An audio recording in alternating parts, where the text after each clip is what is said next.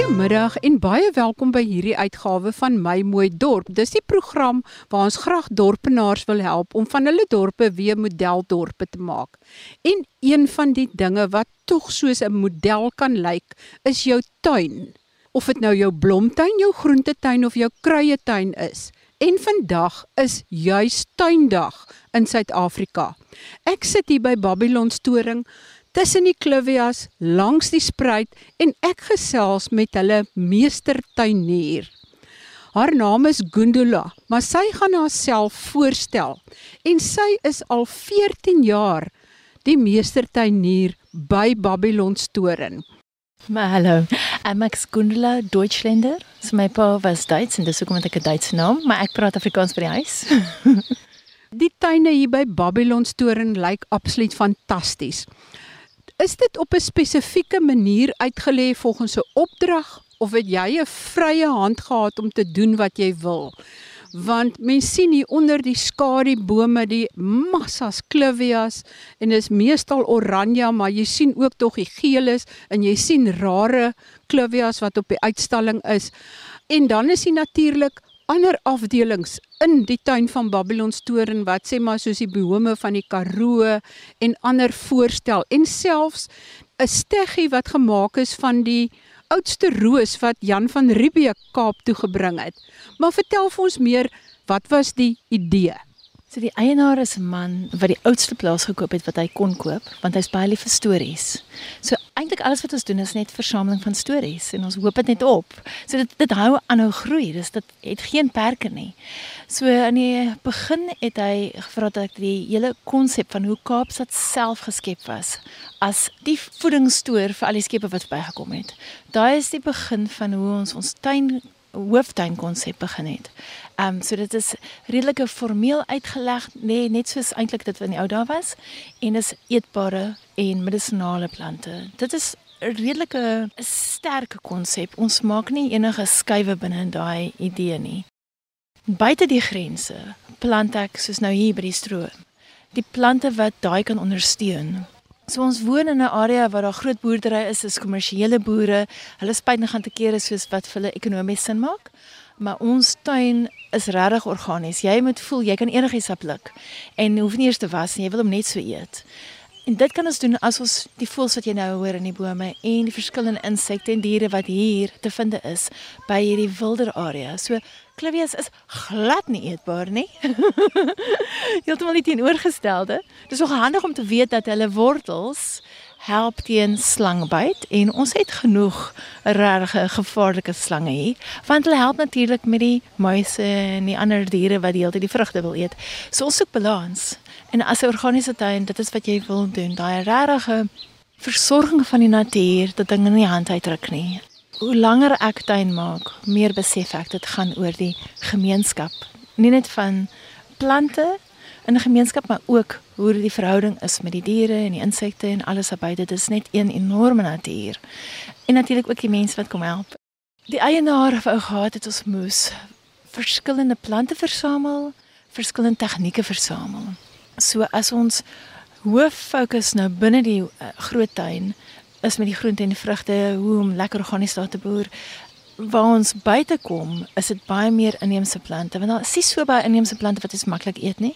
Val nie in die Kaap nie. Daar is nooit 'n plek waar groot diere vir lank kon ondersteun nie. Die Kaap was altyd 'n plek waar jy verbyloop, verbygaan, pluk 'n bietjie hier en daar en gaan jy verder, nê?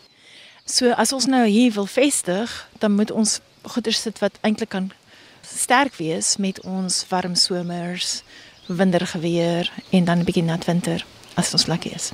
So die biome waarvan jy gepraat het, is alles buite die grense van ons hooftuin. En soos ons groei, doen ons versameling. So dit het eintlik begin met die klivie versameling, want dit is net hierdie lekker koels area wat ons het. En dan het ons aangegaan met die broodbome daaronder wat ongelooflik is. I mean dit is hele Suider-Afrika se broodbome wat verteenwoordig is. En dan met die verskillende biome. So ons doen versameling sodat hulle eintlik saam-saam 'n storie kan vertel. Dit maak dit dan makliker vir mense om te kan interpreteer. Daar's altyd 'n doel, 'n nut wat jy het van die plante wat ons hier gebruik. Ehm um, natuurlik in mense eie tuine leer jy hier wat 'n mens sien en dan vat jy daai as inspirasie en dan ja, verander jy dit in jou eie tuin. Pas dit aan. Hoe kry julle dit reg om organies te boer? Gebruik julle glad nie spuitstowwe nie, maar nogtans is daar nie wurms wat al die plante opvreet nie. Hoe kry jy daai balans reg? Dis gaan altyd wat jy plant is 'n plant wat eintlik daar aard. Hoeveel moeite moet jy doen om daai plant in die lewe te hou want 'n uh, sieklike plant gaan natuurlik makliker pes kry. Dis maar net hoe die dinge is. So jy, jy kies goeders wat bietjie beter gepas is vir jou omgewing. Kyk wat se grond jy het. So as dit nou 'n baie honger groente is, kom ons sê nou tomaties is verskriklik honger, pampoene is ongelooflik honger. Weet jy, gaan dan nie as jy 'n starter tuinier is en jy het nog nie kompos ingesit of jy eie kompos gemaak met by die moeilike ding begin nie. Jy gaan maar begin met jou radyse wat jy weet vinnig opkom, vinnig geëet kan word, het net sanderige grond nodig. So ek dink jy weet, jy kyk wat kan jou grond ondersteun vir jou om dan kan kan oes. As dit 'n baie lekker plant is, wat al die ander goggas van, van wil eet, sê net maar kole, al die die vlinders kom lê hulle eiers dan jy maak net jou oë toe en oop en toe en dan sal weer al die wurms wat alles opeet. So so met daai gewasse plant ek kruie wat sterk reuk het en dit kamoufleer die lekker ruik van die die plant wat hulle almal wil eet.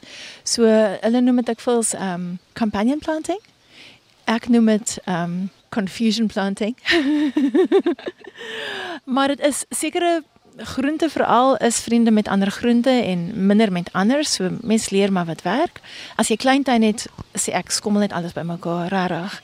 En natuurlik, as jy oor en oor dieselfde ding plant, dan gaan dan net al die minerale daar uitput. So jy moet natuurlik wisselbou doen en dan bymekaar goeder sit. So as jy van die natuur af leer, dan kyk jy hoe werk 'n uh, wonderlike vol 'n uh, heel kind of area. Hoe werk iets sinemas soos 'n uh, oerwoud waar jy so baie verskeidenheid het. Elkeen het sy spesifieke laagie waarna hy groei. Daar's goeters wat grond bedek, daar's goeters wat struik wat bietjie groter is en dan natuurlik daai enorme bome wat tot bo gaan en die rankplante wat nou die sonnetjie soek daarbo. In daai wonderlike biome het jy natuurlik die blare wat val, die kompos maak. Dinge gaan heeltyd om en om op hulle eie siklus, maar mens moet natuurlik nooit in enigiets aankarring nie, hoe minder jy aankarring beter. Maar as ons nou iets soos daai wil skep, moet jy ook al is dit met jou groente. Jy weet, wat gaan jou grondbedekker wees onder? Gaan dit net maar die klein vinnige radysies wees? Gaan dit 'n paar kruie wees soos die basil en die um, stinkafrikaners onder jou tomaties wat dan jou tomatie rank dan veel hoër op en jou boontjies is ook rankplante. Dan het jy mos hierdie wonderlike jy het 'n oerwoud van groente. Dis wat wanneer jy jou mik sodat jy ook baie minder werk moet insit om hier 'n bietjie iets uit te haal. Een plant wat groot kan word, groei oor jou kruie, maar jou kruie word dan later 'n laag grondbedekker wat dan mooi saamhorig is. Maar die hele punt is, en ek dink meeste mense kla altyd oor onkruid, is om jou grond te bedek, veral in die Kaap. Verskillende streke het nou natuurlik verskillende maniere om te werk, maar onkruid kom op waar jou grond basically gewond is, nê? Nee? Dit kom om dan weer die roofie toe te groei. En as jy nie met cinema dak gewas, ehm um, mulch is die Engelse woord, klippies, blare, wat ook al jy het, toe maak daai grond nie. Dan gaan die onkruid kom. En die onkruid het dikwels baie minerale. So as jy vroeg genoeg kan kom en daai onkruid trek onder se boos laat lê, sodat dit jou mulch is, dan gaan al daai minerale weer terug in die grond in. Dit is word basically jou kompos daar's definitief 'n behoefte aan tuiniere veral hoe meer ons organies gaan en en mense by hulle eie huise dat jy nie heeltyd skoonmaak en verwyder nie. Um, dis kan kind of hoe ons groot geword het, jy weet, maak net netjies. Maar ons soek regtig 'n gemeenskap. Dit is die hele punt van die tuin. I mean, my persoonlike tuin sukkel ek verskriklik baie want ek woon in 'n berg. Die lekker goed wat ek plant, al die diere kom eet daar. I mean, dit is soos pudding. Maar ek besef hoe belangrik dit is dat ek daai interaksie het met die wild om my. Okay, dis nou nie lekker as die die boer se koei inkom nie. Sy stamp sommer alles om. Maar die kleiner insekte, die voeltjies, selfs die termiete wat baie keer oornag alles kan verwoes. Ek weet hulle neem weer goed terug na die grond. Ek weet dit is deel van 'n wysheid wat baie groter is as ons. En ek leer daardeur. Ek dink dat ek deel kan voel van iets wat soveel groter is en op 'n 'n wonderlike manier vreugde gee op onverwagte manier is ook net fantasties. Ek dink dit is eintlik die punt van tuin maak nie noodwendig hoeveel jy kan oes uit jou tuin nie. Dit gaan oor dat jy 'n groter mens kan wees wat deel kan wees van iets net so ongelooflik. ja. Met ander woorde, as die blare val en dit bedek die grond, dan is dit eintlik 'n fantastiese grondbedekker. Dis nie noodwendig nodig om alles op te hark en dit weer kaal te los in die beddings nie. Ja, definitief. Ek dink ons probeer wegkom van daai as blare val sien maar op jou stoep. Weet, vee dit op en sit in jou kompos of sit dit dan soos 'n dekgewas bo op jou plante. Ehm um, tussen die plante. Met groentetuine, as jy regtig netjies wil lyk, like, dan kan jy sien maar strooi koop ja, dierevoer, jy weet wat wat goedkoop is, dan kan jy lekker netjies daar sit en oulik. Maar sien maar jy het nie baie geld nie en plante is baie duur. So jy moet kyk daai bietjie geld wat jy het, waarop gaan jy dit bestee? Is dit 'n bietjie ekstra kompos wat jy miskien aankoop om vir struktuur te gee aan jou grond en dan maak jy nog steeds jou eie kompos wat daai lekker voeding in het. Dis wat ek doen, bietjie van beide. Of moet jy nou plante gaan koop wat vreeslik duur is? en dit word net duurder. So Is dit 'n spesifieke plant, sien maar 'n boom wat vir jou skadeboom is, waarvoor jy regtig nou genoeg geld op kan bestee en gaan jy dan vir die res van die tyd probeer steggies maak? Ja, met dekgewas wat ek die maklikste vind is enige bossie wat gesnoei moet word, snipper ek op kleiner en sit dit dan vir dekgewas. Of die onkruid natuurlik werk baie goed sodra jy die die grond van die wortels afgeskit het en daar is nie saad wat vars is op die onkruid nie. Definitief gebruik dit. I mean dit is net ah, super nutrients. En ek ek hou nogal van die teksture. Sekere plante as jy opmerk, het nogal mooi hoe hulle verdroog en verkleur. Dit kan 'n lekker tekstuur maak onder die plant en dit verouder en verander, maar hoekom dit so belangrik is is dat jy het die mikroorganismes wat in jou area al klaar daar is. Dis hulle wat jy wil voed. Want geen plant kan ordentlik te kere gaan as hy nie connected is met die goeders wat onder die grond onsigbaar is. En dit is die mycorrhiza en die microorganisms.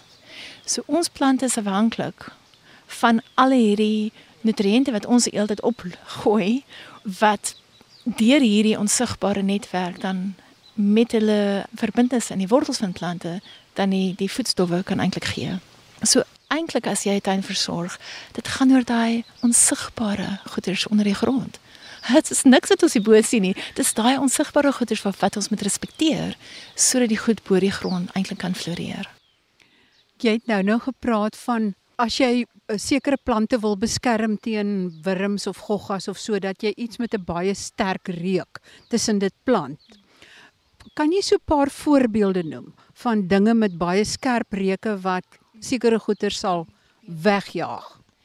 Ek dink dit is nou die tyd van die jaar wat jy tomaties sal wil saai, want spaarlie vir die die somer. Daar's 'n nematode wat onder die grond um bekend is wat regtig jou tomaties nadelig kan aantas. So daai stink Afrikaners lyk baie mooi bo grond van daai wonderlike knalblomme. Hulle lok die goeie insekte nader wat wonderlik is, maar eintlik onder die grond hulle skei 'n soort van 'n gas af wat die slegte nematodes eintlik weglaat jaag. So dit is weer eens iets heeltemal onverwags. I mean, seker goeie rede kom dit stink Afrikaner genoem word. Bo blink onder stink. maar ehm um, dit werk fantasties. So oral is in my tomaties sal ek nou van hulle plant en hulle is net so vrolik. Ehm um, dis interessant die eie familie en die bone is nie vriende met mekaar nie as jy nou 'n klein tuin het, moet dan nie worry daaroor nie. Dis weet en dis dan nie asof jy hulle myle van uitmekaar moet plant nie. 'n Meter is heeltemal fyn. So knoffel werk baie goed met die kool families. Maar kool is nou nie iets wat ons noodwendig so baie ten minste nie in die Kaap in somer so vreeslik plant nie. Maar koole, blomkool, al daai goeters, eintlik werk hulle baie goed met wortels. Wortels en spring onions en preie het min of meer dieselfde lengte van groei voordat jy hulle oes. So hulle kan jy lekker, in feite is nogal baie lekker wanneer um, graseie of die preie merk die areas waar jy jou wortels saai, want dit vat nog 'n tydjie vir die saad om op te kom. So is baie lekker om jou kampie waar jy worteltjies gaan saai, kan uit te merk met die preie, dan stap almal ook nou nie oor jou beddings nie. Ehm um, so dis 'n lekker kombinasie. Basil en eie vrug werk so fantasties goed. Ook saam met die rooi pepers. Dis nog 'n lekker kombinasie. Ja, ek dink die kruie werk dikwels baie goed saam met ander plante omdat hulle baie bietjie beskermend is terwyl die jonger goed groei. En dan soos die eiervrug of die boontjies nou groter word, dan kan hulle ook bietjie oorneem. Dan iets soos 'n petersilie wat fyner en kleiner is, kan nou net onder dan bietjie aanhang en uithang. Ek laat dikwels van my kruie later blomme skiet. Nie noodwendig dat ek saadjies wil hê nie. Mean, iets soos die, die fennel partykeer omdat dit soveel goeie insekte lok. Meer jy verskeidenheid van insekte lok, hoe minder hoef jy te spuit. So my spesiale insektebeheer wat ek self maak is enige ui of knoffel en gereeld vat ek sommer die wilde tilbagia, die wilde knoffel. Jy kap dit net rof weg. 'n Paar sterk chilies werk goed daarbey. Gooi 'n bietjie kookwater oor dat hulle net reg ordentlik toemaak. En daai aftreksel sal jy oor so 'n dag of 2 deur 'n sif gooi en dan opbottel. Wanneer jy dit nodig het, dis net vir enige klein blaarsuigende insek. Ehm um, hulle klein fiefie goedjies wat jou net pla, weet wat wat nou net suig en moeilikheid maak. Ek spuit dit daarop wanneer ek weet die bye nie gaan uitkom nie. So, ek dink is baie belangrik om te weet dat selfs 'n organiese produk kan skade veroorsaak. Ons bye en insekte is sensitief. So, jy doen dit dan op 'n dag wanneer dit miskien 'n bietjie um nie so sonderig is nie. Nou jy weet dis wat wolke of jy doen dit laat in die aand wanneer jy weet die die bye het nou weer teruggegaan na hulle huise toe. So ek spuit hierdie mengsel dis omtrent 1 deel van hierdie gemeng met 8 dele water. Ek gebruik louwarm water sodat ek 'n klein bietjie olie, enige olie en um soms sunlight seep of enige seep, organiese seep eintlik, is beter, om iets wat afbreek. Um net so 'n squish daarvan en dit sal dan help dat dit lekker versprei en kleef op die blare van jou plante. Dit werk baie goed. Jy moet dit herhaaldelik doen as jy vind die pes is nou 'n bietjie uit beheer uit. As dit reën gaan dit wegwas. Maar dit werk baie goed vir 'n huistuin hier. Is dit wonderlik. Sjoe, dit is 'n super wenk.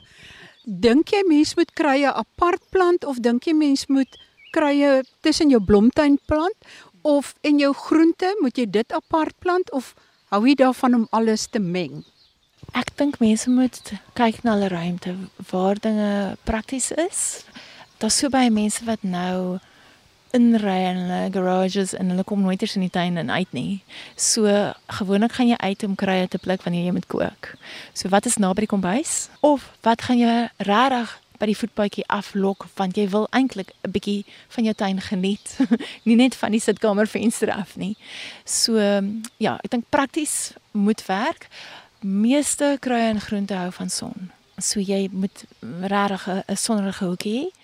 Ek hou van dinge meng, maar ek weet ook met die tekort aan water, kyk ek waar kan ek goeders aan die lewe hou. So baie blomstruike is dikwels meer gehard as groente of vrugte of kruie. Mens kry natuurlik meerjarige en eenjarige kruie. So 'n roosmaryn sal amper oral groei. So dit maak nie saak waar jy plant nie. Maar sien maar jou basil wat net kort is, dit gaan jy met plant waar jy lekker kan gryp wanneer jy slaai wil maak. Sekere krye het net so 'n wonderlike helende karakter dat jy wat erns sit waar jy voel jy nou hierdie deel van die tuin net weer 'n bietjie beter word, jy weet. So ek dink nie dat mens breë reëls net so kan uitgooi nie. Elke persoon weet wat werk best in sy eie tuin. En ek dink dit is belangrik. Jy moet uitgaan, kyk hoe verskil die sonlig in winter en somer. Waar kom daar 'n woeste wind in wat goeders belemmer, kry mens ryp. Dis daai soort van situasies wat vir jou gaan vertel waar dinge gelukkig gaan wees. En natuurlik mens gee nie op nie. belangrik. so daai um oefen van geduld en weer probeer, maar wat regtig wonderbaarlik is, daai bietjie aandag en liefde wat jy gee vir daai stukkie grond wat jy het, kom terug dikwels weer veelvoudig op verskillende maniere wat jy nie verwag nie. En wanneer die voeltjies kom begin kuier, dan weet jy jy het 'n paradys geskep. Hoe voel jy oor uitheemse bome, plante? Want baie van ons vrugtebome of eintlik al ons vrugtebome is maar uitheems en mens kan mos nou letterlik nie alles net uitkap nie. Wat is jou siening daarvan? Wel, I mean ek is half Duits. I mean baie van ons is anyway jy weet van verskillende kulture van verskillende dele van die wêreld, maar Suid-Afrika is ons tuiste. En hierdie olienoutbome is net my gunsteling inheemse boom by verre en dit is iets 'n boom wat jy vind reg oor hele Suidelike Afrika. Hulle lyk asof hulle amper nooit doodgaan nie. Hulle bly net so sterk, so wonderlik. Maar mense moet regtig plant vir vir mense ook lief is. En ek dink veral in die Kaap, dit is bitter moeilik om fynbos te plant omdat ons al klaar daai ondergrondse netwerke van mycorrhizae al klaar versteur het. En die rede hoekom die Kaapse fynbos so spesiaal is, is elke hoekie het sy eie verbintenis en verhouding met die grond. As dit eers versteur is, kan jy dit nie maklik herhaal nie. So as 'n mens nou regtig 'n protea of 'n speldekissing wil plant, gewoonlik koop 'n mens 3 of 4, 5 plante met die hoop dat een gaan oorleef en hulle kom teen 'n prys. maar dit beteken, weet as dit is wat vir jou lewe sal gee mens nie op nie. 'n Mens moet dan besef, jy weet, wat is die behoefte van 'n plant? Is dit baie voeding? Is dit min voeding? hoe gaan jy hom nat gooi of nie nat gooi kom dit in jou eie omgewing uh ek dink dis ook belangrik om te weet baie van ons inheemse plante wat ons plant nou behalwe die linout is nie noodwendig endemies nie So vreeslik baie van ons straatbome kom van Natal, van Oos-Kaapse kant waar daar somerreënval is. So dit beteken ek het nou wel 'n inheemse plant, maar eintlik sal sien maar in die Kaap hier 'n mediterrane plant baie beter aard, iets wat min somerwater nodig het.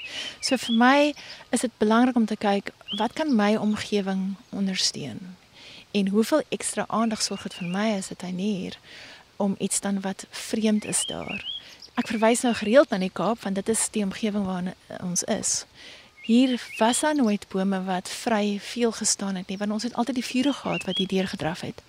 Ons bome is beskut in die klowe. As ek 'n kloofboom in my tuin plant, dit nou maar 'n seepunt waar die wind waai, gaan ek 'n probleem hê. Ja, jy moet regtig kyk wat is meer gepas sodat nou nie te veel stres vir jou as 'n tuinier of vir die vir die plant gee nie.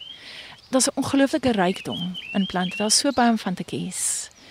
Mens leer ook soos mens met paadjies stap wat werk, wat werk nie. As 'n tuinier verander mense ook deur die jare. Want jy leer daardeur. Ja. Ja, en jou tuin verander ook deur die jare want jy plant miskien 'n boom wat klein is en dan is daar nog baie son en dan raak die boom groter en daar's meer koelte en dan in plaas van 'n grasperk moet jy dalk grondbedekkers plant of jy moet heeltemal ander tuin maak onder die boom in die skaduwee.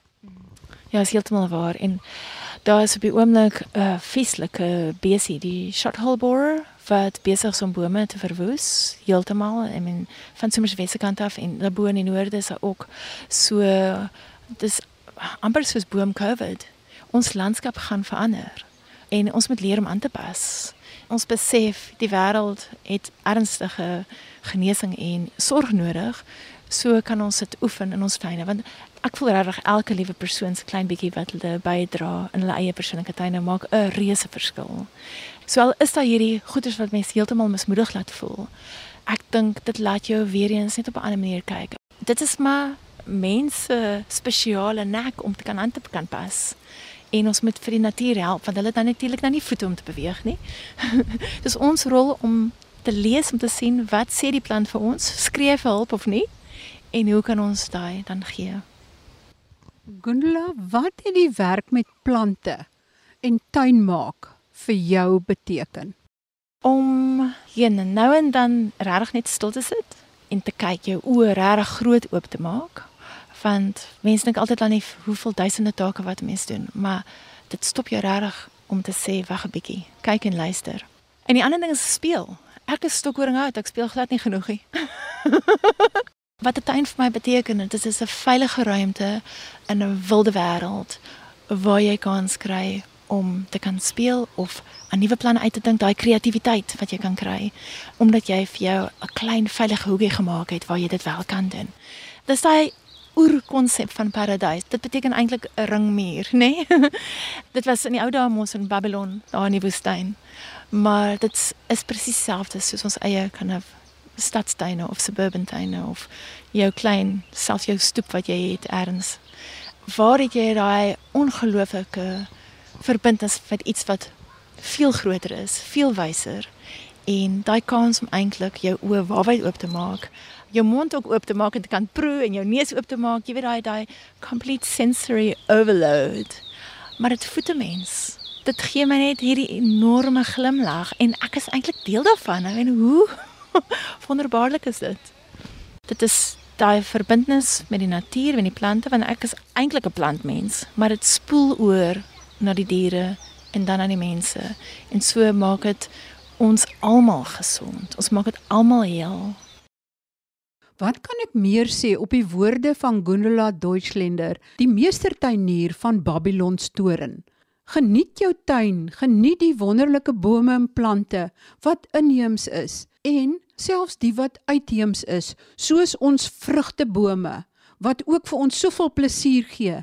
En moenie sommer net alle uitheemse bome uitkap as dit nie kwaad doen nie want die bye het ook die bloekoms nodig en die wonderlike lanings jacarandas met hulle pragtige persblomme wat so eie is aan Johannesburg en Pretoria.